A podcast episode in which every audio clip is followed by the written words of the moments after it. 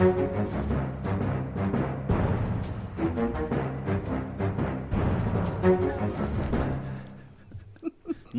om deg. Trine, alt menneskelig er meg fremmed. Nei, da setter vi i gang. Uh, ønsker velkommen til denne ukens Aftenpodden. Uh, tilbake igjen. Uh, jeg er Lars Glomnes med Trina Eilertsen, politisk redaktør. Hallo. Hei. Og kulturredaktør Sara Sørheim. Hallo. Hei sann. Uh, hva skal vi si om denne uken her? Litt stille? Litt stille. Ja, det, er, altså, det er en uke som er eh, kontrollert på overflaten og fullt kaos på innsiden. For nå begynner den der ikke fine kalde tida. Nå begynner eh, den verste Nå begynner julestria. Så, men vi skal prøve å holde oss på sånn. Vi skal Ja. virke kontrollerte, avslappet og smarte og kule. Ja. Det er målet. Så får vi se åssen det går. Vi hadde, vi hadde ikke, da vi, vi driver og planlegger litt hva vi skal snakke om hver uke. Vi har en fin liten plan nå, men vi hadde ikke noe Det rant ikke over med ideer. Uh, så vi måtte ta en liten brainstorming. Uh, og så dukket det opp litt etter hvert. uh, og litt fra så en liten sånn Snapchat-runde, ja, for jeg var så utrolig moderne her i går. Og da kom det innspill, vet du, så noen må vel kjenne igjen at, at det dukker opp. Og da kan vi oppfordre folk som følger oss på Facebook, til også bare foreslå ting der, altså. Vi kan vel si at vi er, vi er nok over gjennomsnittet mottakelige for innspill. Eh, det er ikke som at vi akkurat har bestemt oss tre dager før sending hva vi skal snakke om. Så det går an å spille inn helt til torsdag formiddag, kan vi jo røpe. Ja, da, det er ikke en plagsomt sterk rød tråd i det vi driver med, så feel free. Ja, og så dukket det opp en, en sak som vi må nevne fort, da, fordi i Uh, vi skal, Etter hvert skal vi snakke litt om, om Erna Solberg, og Ja. så skal vi snakke litt om Donald Trump, kanskje. Ja. Uh, litt om verdens fremtid. Og uh, demokratiets ende. ja, og litt om juleforberedelser. Ja. Det, er en, det er en slags teaser.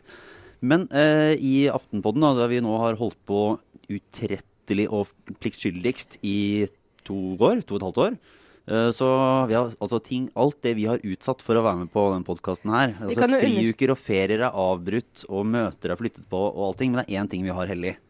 Det er frisørtimer. Det er frisørtimer. Ja. Så um, må denne Cutters-debatten som har dukket opp nå, fordi NHO uh, har liksom stått i spissen for at denne hva skal man kalle det, hurtigklippkjeden skal måtte tilby hårvask Ja.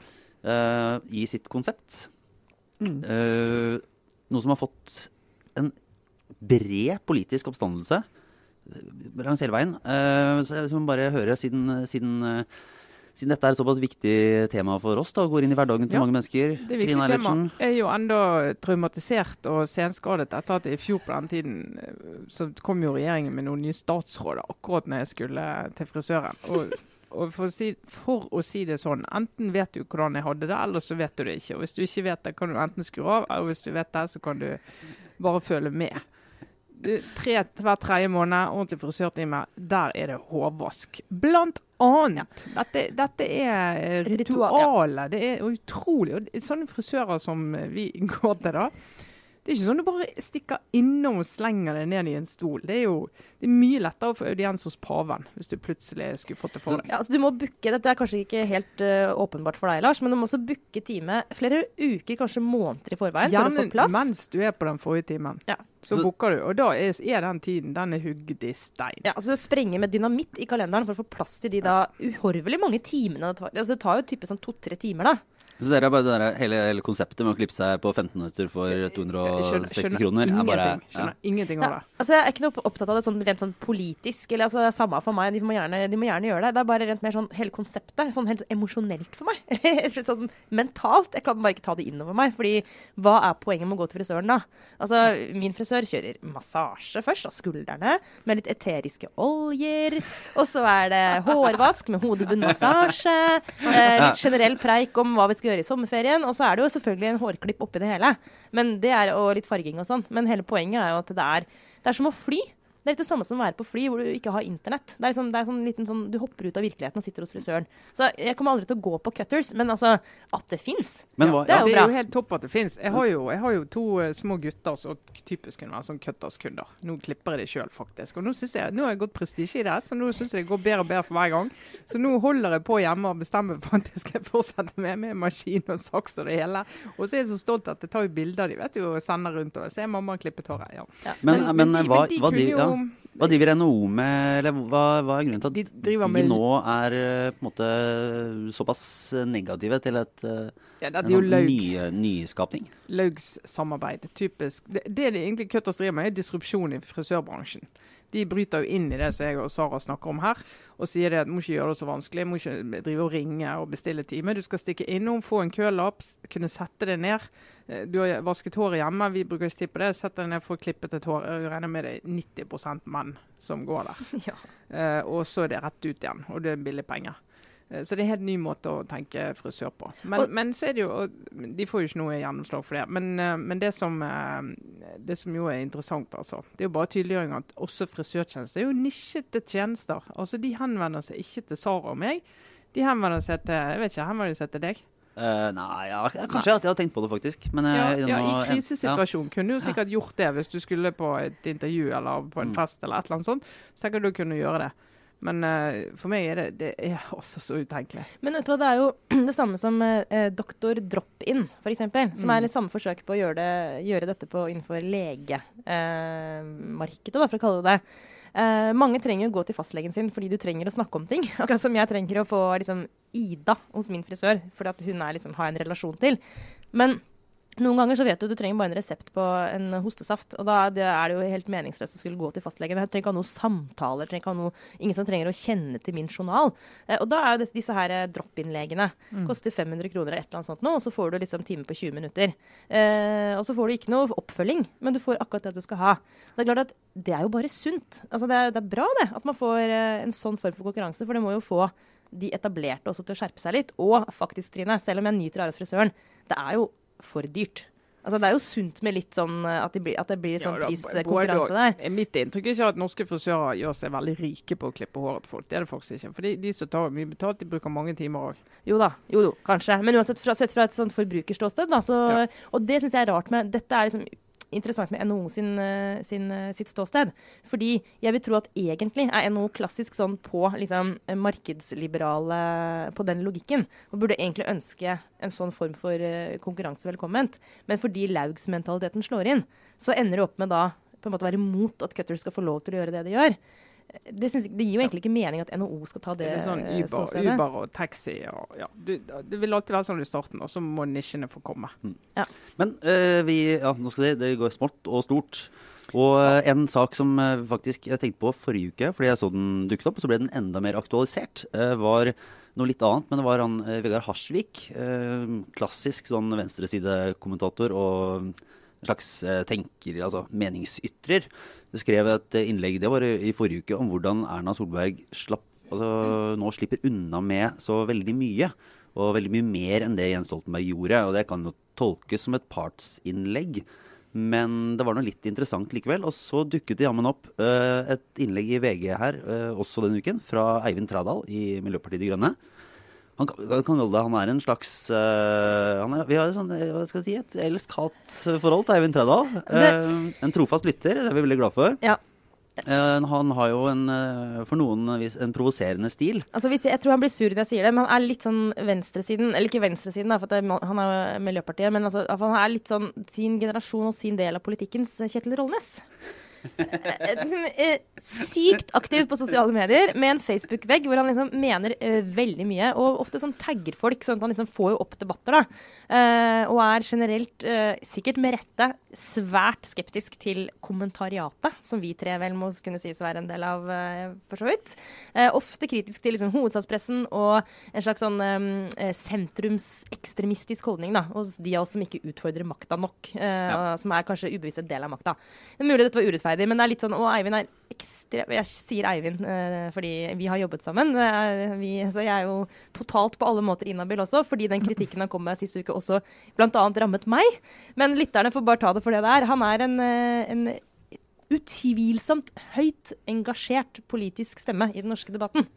Og, så, og det han da engasjerte seg i denne uken, var, var samme tema, men utgangspunkt i noe vi sa forrige uke, og, og du sa, eh, Sara, om Erna Solberg som igjen slipper unna en del kritikk, og har blitt en skikkelse som roses for en del egenskaper som, som, eh, som Trædal da mener er egentlig ikke er gode statsministeregenskaper. Altså nettopp det, det vi snakket om, som var at hun er en, en, en kompetent person, en dyktig leder, eh, ikke bryr seg om hva skal han si eh, ja, Hever seg over. hever seg over politikken på et vis. Og, at, og det er en ledertype som nå dyrkes, og at Erna Solberg har blitt gitt en sånn Altså Høyre har kjempet eh, til seg en sånn rolle for henne, og, og mediene har gitt henne en rolle der hun egentlig får fortsette litt sånn upåvirka av de politiske debattene, og sjelden stiller sånn skikkelig til ansvar for det hennes regjering gjør. Og da skal vi, Før eh, vi går videre, da skal jeg altså da bare gi Eivind Tredal litt sånn rett da, faktisk. For det, det, traff meg litt, den kritikken. fordi da vi snakket om det i forrige sending, så, så kom jeg med en en slags sånn Altså, jeg opplever henne som en ikke spesielt imponerende politiker sånn verbalt. Jeg syns det er sjelden at hun sier ting som jeg egentlig syns er interessant. Det, det, det, må jeg bare si. Jeg syns hun er rett egentlig ganske kjedelig å høre på. Så sa jeg noe sånt nå, men så la jeg til en sånn hale.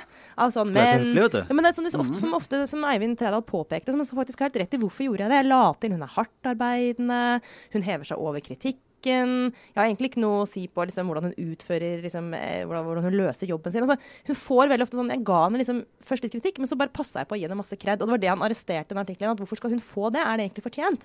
tenkte jeg ja. Nei, er det egentlig fortjent? Ja, og det, altså, litt det som han uh, Harsvik tok opp, var jo altså han mener og jeg får si Vi som fulgte de åtte år med rød-grønn regjering, vil jo ha litt sånn ulike uh, synspunkt på det. Han mener at Jens Stoltenberg i mye større grad ble konfrontert med rare ting som statsrådene hans gjorde. og Eh, liksom måtte svare på liksom, Når det var gått en dag og en eller annen statsråd hadde gjort noe mer eller mindre tvilsomt, så var det Jens som ble spurt. Og, mens Erna slipper det. Hun slipper å høre om Per Sandbergs eh, e-post-eskapader. og hun slipper unna med å si at eh, kanskje Sylvi Listhaug Ja, jeg ville ikke helt sagt det på den måten, og så er vi ferdig med Erna Solberg. Uh, um, og jeg, jeg, nok, jeg, deler ikke helt hans uh, syn på at det, mye, at det, er så mye lettere å være Erna Solberg enn det var å være Jens Stoltenberg. men det som, det som er helt klart, er jo at Erna Solberg er en type som gjør at hun blir litt sånn ja, jeg tror at hun velger, prioriterer veldig hardt hva hun gidder å gå inn i. Mm. Altså Ikke sånn gidder fordi hun orker, men hun bare sier OK, den saken der, den brenner ut. Vi trenger ikke bruke energi på den. Uh, og veldig sånn immun mot litt sånn, kall det mediedrevet. da. Uh, og da tror jeg I en del saker så er det helt riktig. for jeg tror, altså, Vi har en tradisjon i Norge der statsministeren på altfor lav terskel for å gå inn i saker og for at vi spør de om saker, istedenfor bare å kjøre på på den statsråden gjelder. Fordi vi er vant til å ha veldig tilgjengelige statsministre. Men nattesiden av det, om du vil, det er jo at hun kan glippe på at det er saker hun burde engasjert seg mer tydelig. Og jeg mener jo at denne debatten vi hadde om Sylvi Listhaug i høst, og en del av det hun sa, det syns jeg at Erna Solberg ventet for lenge og var for eh, blass når hun kommenterte det. Og det ble et problem for henne hennes troverdighet. Og det er ikke jeg helt sikker på om hun ser. og Mange er sikkert uenig med det, men jeg mener det, det ble det. Jeg synes sånn Journalistisk så er jeg ikke så, igjen, jeg er ikke så sikker på om, om det var sånn veldig mye hardere mot Jens Stoltenberg, selv om det også kan stemme. Men jeg kjente meg på en måte igjen i noe av den kritikken, fordi jeg tror at journalistikken og bevegelsene i kanskje de lag av samfunnet som er i journalistikken og politikken, i løpet av en 15-årsperiode har blitt mer sånn eh, systemtro. Altså det virker som man har, man har mer tro på, sånn, på, at det kan løses, at det er, liksom, en effektiv løsning. At man skal finne en sånn en ordning og stole på ekspertene og stole på kunnskapen og kompetansen. Og så blir man nedvurdert, eh, både litt sånn enkeltskjebne og det derre um, Det som tidligere har vært en, sånn, en mangfoldstankegang. Da. Og du kan jo se det litt igjen i ja, sånn som at uh, at en del I den tanken om at alt skal, skal sammenslås, og skal altså, kommunesammenslåinger, eh, effektivisering av, av, offentlig sektor Alt er sånn ja, ok, men hvis bare effekt, eh, ekspertene kan styre dette her ja. og ordne det, så vil det gå bra. Vi skal ikke forstyrre det med mer sånn irrasjonell ideologi eller vanskelige tanker fra, fra grasrota. Her skal, vi, her skal, vi, bare finne den gode løsningen, og så skal vi stole på at det går raka veien framover. Ja, effektivisering og profesjonalisering, som ofte ses på en måte som en del av, av, to sider av samme sak. Da. At du skal ha um, en slags sånn um, altså at, at, at, vi må i større grad ha liksom, profesjonelle ledere til å ta seg liksom, sentrale samfunnsoppgaver, eh, også i, i politikken. Eh, det du beskriver med f.eks. den der evnen til å velge hva man går inn i og ikke går inn i av saker og sånn, det er jo litt sånn som jeg, bare for å hoppe bare være øyeblikk personlig her, du er god til det, Trine, som leder. Det jeg som lært av deg, faktisk, kan jeg røpe. Uh, lært og lært, i hvert fall notert meg at jeg burde bli flinkere til. Det er det der med sånn, Du må på en måte ha et bevisst forhold til hva du faktisk velger å gå inn i, eh, for å ikke bare bli en sånn stopperting. Det er et eksempel bare på det som er sånn kjennetegner en profesjonell leder. Det rare med politikken er jo at eh, forventningene er litt annerledes der. og det er ikke nok sannsynligvis være en profesjonell leder da, på sikt hvis du skal bli stående som en stor politiker. Du må liksom være det i bånn, så må du ha noe ekstra.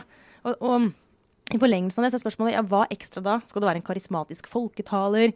Eller skal du være, liksom, representere uh, f.eks. en stor Skal du bli en sånn landsmoder? Um, eller blir du da en teknokrat? Og det er liksom det der vi står litt i nå. Det er jo at hvis politikken blir for proff, så står det også i fare for å bli et sånt eh, teknokratstyre. Ja, så tror jeg det blir litt forsterka også nå, kanskje, av de som, de som motstykket til den måten å styre på i verden nå, blir eh, Donald Trump. Og den derre litt sånn ekstremt eh, litt sånn irrasjonelle ledelsen. Og, og, det kanskje gjør at uh, det som finnes i midten, uh, blir mindre synlig. Og at man ok, vi skal i hvert fall ikke ha sånne elleville politikere som, ja, som bare snakker og er sånn halvgærne. Ja, hvis alternativet er liksom... dyrker man heller den derre ja, rett fram. Ja, ja, Hvis alternativet er en Corbyn eller en Sanders eller en Trump eller en uh, Peppe Grillo eller Brillo. Grillo, ja. Grillo. Så uh, altså type det som er, det som er litt sånn uh, uheldig, nesten litt tragisk, er jo Man kan se for seg at det oppstår en slags sånn skillelinje som går mellom populisme eller teknokrati. Og, da velger man jo heller den grå eh, teknokraten, hvis man er sånn sentrumsekstremist som meg. Ja, men, ja. Det er en veldig uheldig veldig, men, veldig uheldig ja. liksom, Men, men Trine Eilertsen, du er på en måte symbolet for en sånn rasjonell eh, ledelse og gode, fornuftige løsninger. Ja, det, det og, og jeg, altså, jeg tror altså, kalle teknokrati det, Jeg skjønner jo hvorfor noen bruker det, det begrepet, men, men det der med altså, profesjonaliseringen av prosessene jeg og Ola Storeng, tidligere kommentator i Aftenposten, vi snakket om at vi er nødt til å få skrevet den kommentaren som en hyllest til Utredningsinstituttet. Og den skal skrives. Om det er jeg eller han som skal skrive den, er jo dessverre gått an pensjon, men han skal levere til oss av og til. Eh, det får vi nå se på. Men Utredningsinstituttet det er at du faktisk du har en idé politisk eller en eller annen sak du vil gjøre, og så skal du faktisk gjennom en del ledd med mm. utredning, kvalitetssikring, før du legger frem noe for uh, Stortinget som de skal ta stilling til. Eh, jeg elsker Utredningsinstituttet. like høyt som du elsker perspektivmeldingen? Jeg elsker Utredningsinstituttet. Eh, jeg mener, Land uten utredningsinstitutt det blir bare tull. Det er akkurat som land uten fortau. De reiser ikke til. Land uten fortau det går ikke an å dra til, for det er ikke det er bare, ja, de, Nei, det, det, går ikke. Mm. Eh, så du må ha utredningsinstitutt og perspektivmelding. Det må du ha. Og så vil jo mange si at det er jo bare eksperter som spiller inn til disse. Men, men at, at grunnlaget er ordentlig faglig fundert. Det er jo den diskusjonen vi har med SSB òg, egentlig. Mm.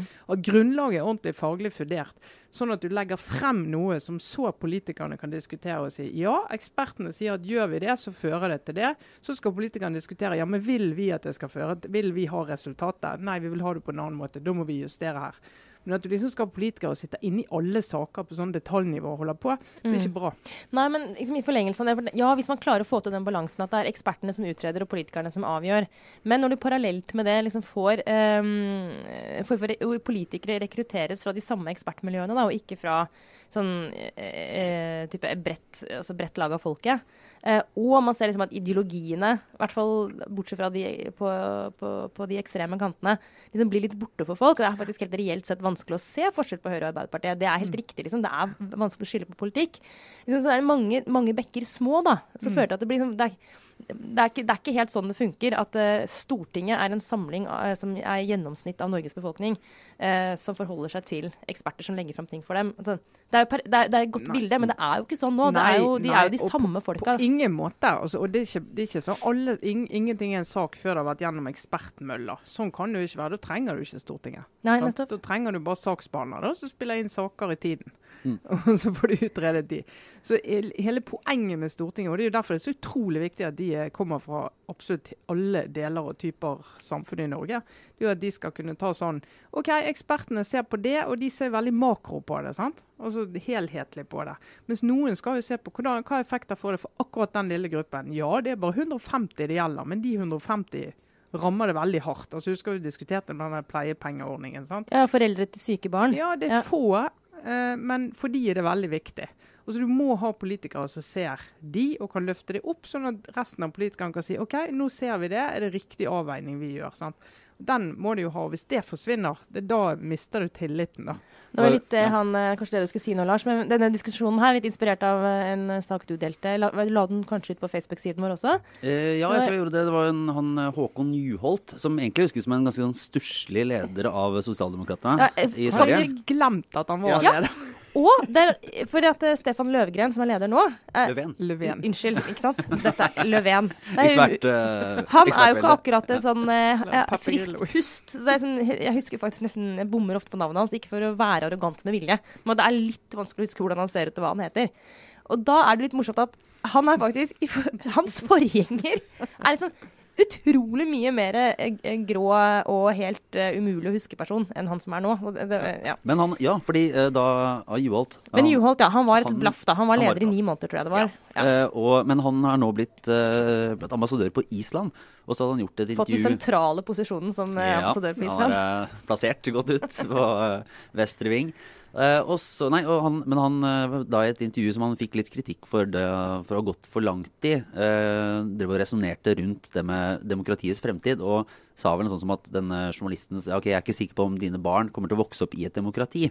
Og da var han liksom Revolusjonen kommer ikke, eller overtagelsen kommer ikke med tanks og stridsvogner, men av at, at det blir, altså teknokratene tar over, og, og politikken dør fordi alle blir like. Eh, ingen tenker annerledes, og ekspertene tar over alt. Som er egentlig det skrekkscenarioet du på en måte dro opp nå, da, Ja. Trine. Altså, og det, jeg, jeg tror ikke det er riktig. Uh, men jeg, jeg skjønner faktisk altså det, det, er bare, det er bra at de argumentene kommer ut. Han, hans bakgrunn er fagbevegelsen. Og sånn, uh, ja, altså, ja, det er det her men han er også en journalist, er det ikke det?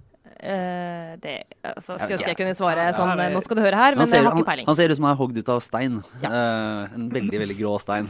Men altså, det som jo er, det som jeg har veldig respekt for, og som jeg tror alle har uavhengig av hvor, hvor, hvor de hører hjemme politisk, er jo at fagbevegelsen, når den fungerer, det er jo veldig vakkert. Det er jo nettopp at du nedenfra og opp liksom, Det er en folkebevegelse. Starter på arbeidsplassen. altså du får i gamle dager, da, når du rekrutterte folk til Arbeiderpartiet via fagbevegelsen, og du kunne starte som tillitsvalgt på, på fabrikken, da, sette det helt på spissen, og, og ende opp eh, på Stortinget.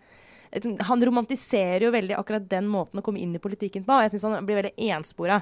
Det er jo sånn at det, alle, det skal ikke være sånn at du må være skogsarbeider for å være liksom, en riktig politiker. Det må være lov å ha 100 års utdannelse og også være en god politiker. sant? Ja, men, men det er jo interessant. altså Hvis du tar Arbeiderpartiet i Norge, da, så Jonas Balls, rådgiver eh, på Stortinget, rådgiver til Støre, som har skrevet bok sammen med Støre, han eh, slutter nå og begynner i LO.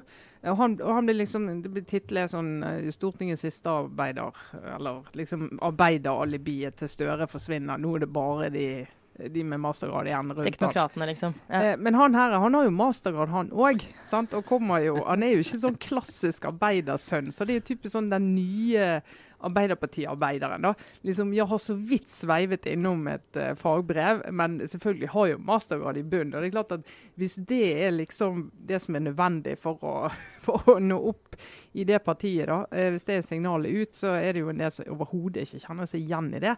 Uh, og det er jo en interessant diskusjon. Hva er en arbeider? Hjelpepleier versus industriarbeider versus disse avanserte bilmekanikerne og så med data alt det der. sant? Uansett, da, bare for å avslutte det runde av det, så er det sånn Det er jo en um, eh, eh, Det er litt sveipende å si, men det er nok helt reelt at det er en polarisering eh, i vestlig politikk. Hvor du ser at altså, fløyene styrker seg, eh, både på venstre og høyre side. Og, der liksom, det henger litt sammen med, det populistiske. Det er liksom Ja, dette er jo en gjenganger, men altså, det er jo liksom eh, Sentrum, det, det rasjonelle sentrum, eh, er, bare er litt utfordra. Og det som er veldig synd, er hvis på en måte, det eneste alternativet til populismen på ytre høyre og venstre fløy blir liksom en sånn grå teknokrat slash byråkrat ekspertstyre. Men- Det, liksom, ja. det må vi bekjempe, da, for da, da dør liksom politikken. Ja, men det er jo der vi, Nå skal vi innom Trump, sant. Vi skal jo det, og det, Hele han er jo den ene ekstremversjonen av dette. Ja. Eh, hvor de sier det at ekspertene er idioter, eliten er idioter, de som har drevet med politikk i mer enn tre kvarter er idioter. Altså det er liksom Alle de som legger premissene for samfunnsutvikling er idioter. Nå får vi gjøre det sjøl. Det er jo tanken. Nå Ja. må vi som liksom har eh, fingeren nede i jorden og, og vet hva som foregår, vi gjør det.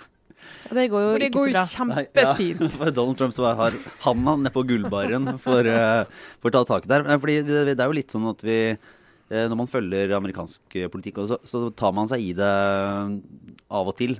Og i gårsdagen, altså onsdagen, var en sånn dag der man plutselig blir sånn sånn Dette skjer jo faktisk. Ja. Eh, og da var det jo da denne annet igjen på Twitter og, og, og sendte videre da disse retweetet, disse tre videoene som da kom fra dette britiske Britain first. Britain First, som er altså, langt ute på høyresiden. Ja, ja. Forferdelig organisasjon. Altså, det, man, altså, man skal passe litt for å dra liksom, rasismekortet, men vi kan få si borderline rasistisk innhold. I hvert fall kan man vel tror ikke vi trenger Nei, å være Trenger ikke å ta forbehold der. Nei, takk. Why, Takk. liksom.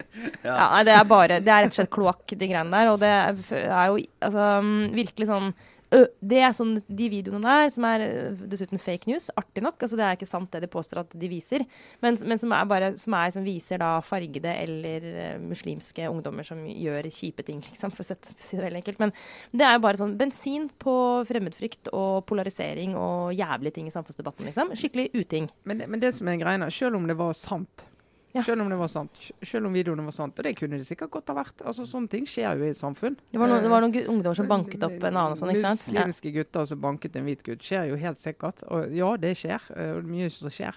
Eh, Men det er det at en president i verdens mektigste land tar en sånn video som ikke er verifisert at han er ekte, retvitrer den fra en organisasjon som har kanskje det mest lurvete ryktet i hele Vest-Europa, en av de topp ti. Eh, sender det ut, uh, får kritikk for det, hvor hans pressetalskvinne da sier at Nei, altså den videoen er ikke så viktig. og det som er det, Poenget er at presidenten er opptatt av denne problemstillingen. Ekstremisme. Hvordan muslimer uh, og islam ødelegger samfunnet innenfra. Så det er det dere må fokusere på. Ja, men Betyr det ikke noe for presidenten om videoen er ekte? Eller hvor det kommer fra? Nei, ikke, ikke fokuser på det. Fokuser på det han er opptatt av. Og det å høre altså, staben og presidenten i verdens mektigste land holde på sånn, det er du, vet hva, du blir- du blir jo litt immun. Det er jo alle blitt siste året. Tenk hva vi satt og diskuterte for et år siden, og hvor vi er nå. Men så kommer det her, så blir du virkelig minnet om hvor helt ko-ko Ja. det er blitt. Det er blitt akkurat like ille som vi fryktet. Og ja, sam, samme dag som man også drev og da pekte på enkeltjournalister og mediefolk som man mente burde miste jobben. Så var det sånn, en bananrepublikk. Ja, ja. Ja, Helt en- ja. uvirkelig, egentlig. Helt uvirkelig. Og legge opp i en dash eh, Nord-Korea-krigsretorikk igjen, som jo er reelt skummelt. Eh, så bare blir jeg helt sånn ehm, Du vet eh, I verste fall nå så sitter vi på Titanic som seiler mot eh, isfjellet, og så bare orker vi ikke å snakke om det. For vi bare, det er bare sånn Det er bare for sånn far out. Men så plutselig så har på en måte Har Trump egenhendig bare undergravd demokratiet, liksom? Altså, Men- men er skjønner du den ekle følelsen? Men, men bare det siste, da. For det, det er derfor jeg mener at vi må ikke, vi må ikke la oss for lett forføre av de som kritiserer si, eliter, eksperter og de som har politisk erfaring og alt det. Altså, det har en verdi at du vet hva system du jobber i, hva det representerer, hva virkemidler du har, hva verktøy du har for å finne ut om politikk kan funke eller ikke funke. Alle disse tingene her, det er utrolig stor verdi. Noe av det som gjør at Norge fungerer, det er jo at de som styrer her i landet, faktisk har litt respekt for det. Og da eh, går vi rett inn i uh, Dette er et skrutrykk jeg hadde drevet med dette i årevis. Uh, for det passer veldig fint med min eh, lille obligatoriske refleksjon. Ja! Uh, jeg hadde egentlig et, eh, et forslag til å snakke om en sak, men så ble jeg nedstemt, eh, for det var for trist. Ja. Eh, så da skal jeg ikke snakke om den forferdelige barnevoldssaken med lille Jakob. Eh, men om en podkast som jeg kan anbefale, som jeg begynte å lytte på, som eh, kom opp i feeden til Slates uh, Political Gabfest. Som nå er en eh, mangeepisoders gjennomgang laget nå av Watergate-skandalen Å ja! litt uh, slik, den, uh, slik den ville ha vært hvis man altså, går gjennom den ganske nøye. Fordi det har jo det har blitt sånn at mange husker det egentlig bare ut fra, bare ut fra film og kon konklusjonene. Så jeg hørte den første episoden, og den tar for seg liksom personlighetene innenfor hele dette komplekset, og hvordan det var å leve gjennom den tiden. Eh, lagd som en eh, altså som en mulig parallell til ok, hvis det er sånn at noe stort skjer nå med Donald Trump, Mm. eh, ville vi sett det? Eh, og litt sånn var det, ok, hva var det, hvor mange historier var det som gikk gjennom hele den Watergate-komplekset før det endte sånn som det gjorde? Så den kan jeg, den kan jeg anbefale, i hvert fall ut fra, i hvert fall ut fra første episode. Den uh, heter Slow Burn og, og følger Slate.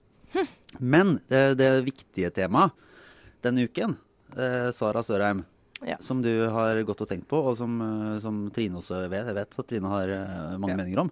Ja. Det ligger foran oss. Det er I morgen begynner det. Ja. Det begynner det. Det store kalenderkjøret.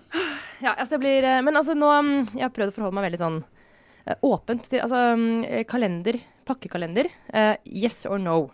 Det er et sånt valg man som forelder må ta. Det er et avgjørende valg, for man får bare tatt det én gang. Hvis man går for det, så er man, er man jo liksom fucked. Og jeg gikk for det i fjor. Eh, da kjørte jeg for første gang pakkekalender. Det, eh, det slår meg i bakhodet nå. Ja. Fordi ungen er, eh, forventer å få en kalender i, i morgen tidlig. Så det skal jeg bruke resten av dagen på etter arbeidstiden i dag. Men eh, jeg koser meg litt med det òg, faktisk. Ja, det, Det må jeg bare si. Det er et element av kos. Ja, Det var det jeg fant ut, nemlig. For jeg begynte sånn Jeg skulle ikke ha pakkekalender. Eh, fikk, jeg fikk jo først en gutt, og så en til, og ble enda mer sikker på at jeg skulle ikke ha det. Så jeg har hatt de siste årene så jeg handlet kalender eh, 30. november. Eh, og da er alle på halv pris. Sånn eh, Lego-kalender og sånn lekebutikken. Rasjonelt, vet du. Ja. Kjemperasjonelt. så det har ikke vært planen, men jeg er så seint ute hver gang at da er de satt ned. For hvis ikke han er solgt innen eh, siste i november, så har jo ikke den kalenderen verdi. Så da får de kastet etter deg. Så da har jeg hatt det. Men da har jeg liksom hatt huset fullt av sånne her eh, utrolig irriterende Lego-plastfigurer som jeg går og tråkker i, og, og, og ungene blir lei av de etter ett minutt og sånn. Så i år tenkte jeg at eh, nå blir det pakkekalender eh, til de. Og så har jeg lagd en pakkekalender. Men så har jeg tenkt sånn, De er jo to gutter, og i vår, i deres verden er det sånn alt må være likt. Du kan ikke ha sånn at han får én ting en dag, og han får et annet, og så er det omvendt dagen etter. For da er det helt krise den dagen det er ulikt. Så alt med likt. Så jeg tenkte da hiver jeg alt oppi Altså du har 24 poser. Så hiver jeg bare to oppi, og så kan de åpne annenhver dag. Luftet det for, eh, for de det gjelder. Og ble jo jeg ble jo også, jeg fikk jo en evaluering, vet du, så ikke Det var verre en pulsmålinga? Ja, verre en uh, arbeidsmiljøundersøkelse. Ja, nei, det var dårlig evaluering. Og gud bedre. Men uh, dette skal vi løse. De er jo nødt til å lære seg å dele og alt det der. Så på samme rom og holde på. Men det som er, det som er ondt, det er noe sånne utenfra, en liten familie, kommer seilende inn med pakkekalender akkurat når ungen er i den rette alderen, som er full av fine pakker, og sier du ja, tusen takk for det, men er det du som skal lage den neste år? Så jeg mener, Folk må være utrolig varsomme med å gi pakkekalender til Ja. familier de ikke bor i sjøl. Jeg kan bare sende ut en generell oppfordring her. En vær varsom-oppfordring. Eh, folk må få ta sitt eget valg rundt pakkekalender eller ikke. Og man må ha respekt for at hver forelder må få ta det valget selv. Eh, Kjøpe og, pakkekalender det er som å kjøpe en hund til folk. ja, faktisk. faktisk. Gi en hund og si her, nå kan du gå på tur med den hver dag i 15 år. Det går ikke an. Så, så det må man bare, og Jeg kom nemlig i skade selv for å nevne til uh, sønnen til en venninne av meg at uh, nå er det snart tid for kalender. Og hun har klart å holde kalender hemmelig for han. Uh, og det, det blikket jeg fikk fra henne da, det var sånn, og da skjønte jeg dette, nå har jeg krysset Rubicon. liksom. Dette er, jeg, jeg kan ikke gjøre det borte igjen. Jeg jeg can't undo it. Men jeg skal aldri gjenta det, i det minste. Og det er bare en oppfordring til alle våre lyttere. Ja. Ja, nå, har de ringt, nå kan jeg bare si at nå har de ringt meg tre ganger fra barnehagen, så nå går jeg ut av studio mens dere avslutter Aftenpodden-sendingen. Ja. For sånn er livet. Ja. Jeg håper det bare at vi har glemt å ta med utedressen. Og du Trine, Ja. en, inn i helgen, hva går, du, og- hva går du og grunner på? Nei, jeg, jeg lurer på om jeg skal skrive litt om eh, medias eh, makt, positiv makt. Um, Tysfjord-saken fikk jo en liten uh, Skal ikke si den kulminerte denne uken, for den er jo på ingen måte ferdig. Alle vet om den der uh, overgrepssaken, eller sakene, oppe i Tysfjord uh, kommune i Nordland. som VG startet, egentlig, fordi de gikk inn og fortalte en del historier derfra som var helt sjokkerende. som ikke minst handlet om ting som hadde foregått over lang tid, og som ingen snakket om. Og og nå har, har politimesteren der oppe lagt frem en rapport som viser at nå har de ja, nærmere 150 saker. så 100, ja, 151 saker, øh, sånn, stort sett innenfor et uh, samisk miljø og en sånn læstadianermenighetsmiljø. Ja, og, og, og litt til, altså. Men det som er interessant med den saken, og egentlig med metoo, som vi ikke skal snakke mye om denne uken, det er at metoo også startet jo med at uh, New York Times fikk frem en del av disse kvinnene som var rammet av uh, Harvey Weinstein. De fortalte sin historie. Eh, og det som har skjedd i begge disse sakene, er at det starter med en, en mediefortelling. Mediene jobber lenge og grundig med å få noen til å fortelle og stå frem.